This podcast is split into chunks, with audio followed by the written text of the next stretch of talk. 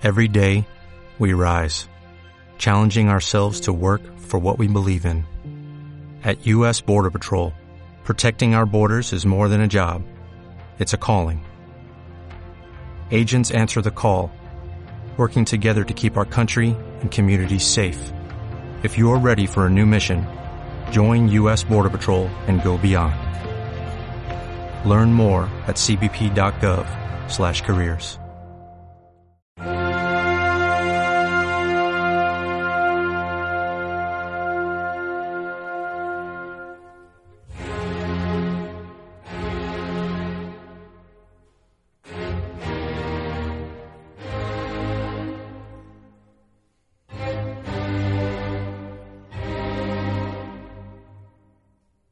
L'increment de la desigualtat, especialment des de la gran recessió del 2008, és un tema molt debatut que marca les agendes dels polítics i l'activitat legislativa de les assemblees parlamentàries.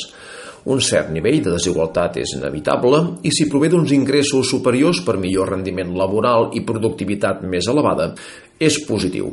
És beneficiós perquè incentiva i encoratja l'estudi, la formació en capital humà i la millora contínua de les habilitats professionals, generant més creixement econòmic.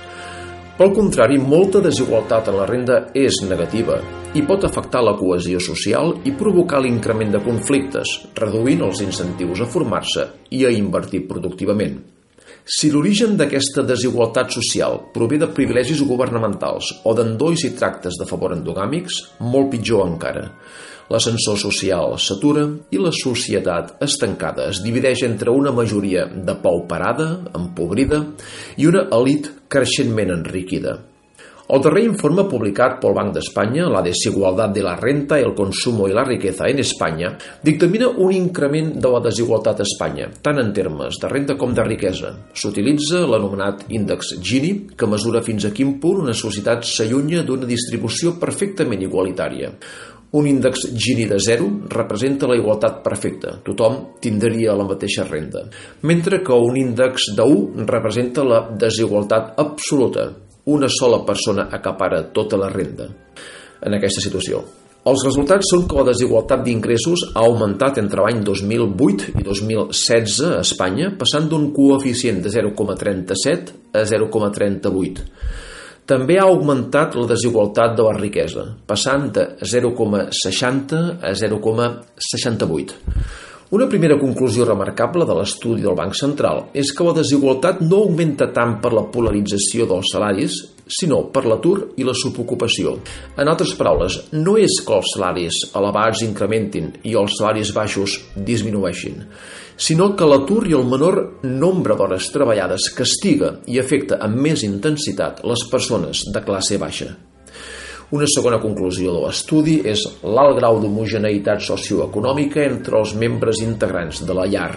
La correlació de nivell educatiu dins d'una parella és del 70%. En general, els graduats universitaris tendeixen a casar-se o a aparellar-se entre ells i la gent amb estudis no sol relacionar-se tant amb els que no en tenen.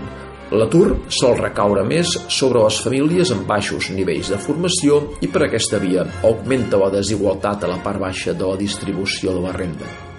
Pel que fa a la desigualtat en la riquesa, on pot pensar que incrementa per la menor capacitat d'estalvi de les classes baixes? És cert que qui cobra 24 euros al dia, això és el salari mínim, té menys possibilitats d'estalviar que qui en cobra 29.000 euros diaris, com Ana Patricia Botín, presidenta del Banco Santander, o encara més els 110.000 euros de Leo Messi, un dels millors jugadors de futbol.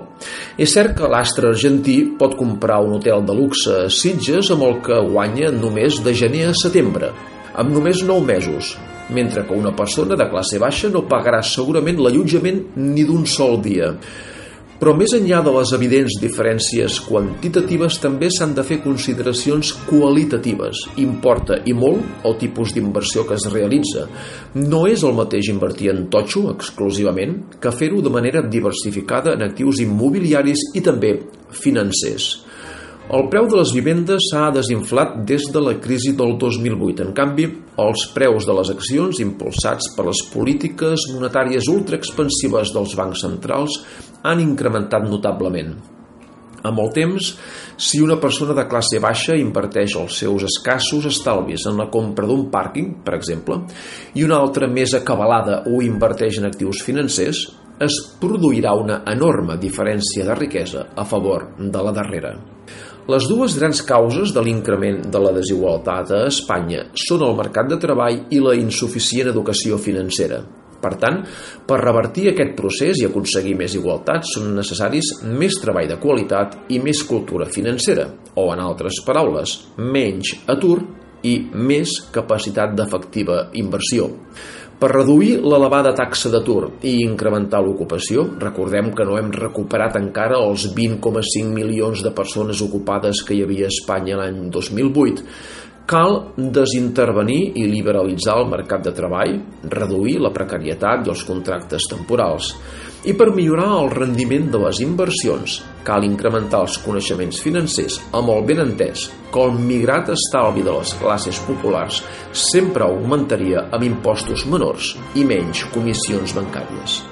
En general, l'elevada taxa d'atur provoca que el nivell de desigualtat de la renda per càpita a Espanya sigui molt alta en comparació amb altres països, fins i tot en temps de bonança econòmica. Pel que fa a la desigualtat de la riquesa, és més gran que la de la renda i s'ha incrementat amb la crisi. Les raons són la menor capacitat d'estalvi de les persones més desafavorides i una inversió popular massa centrada exclusivament en la vivenda. La inversió en actius financers per part del col·lectiu amb més ingressos ha provocat un increment de la desigualtat, donat el rendiment més alt del mercat borsari en comparació amb l'immobiliari.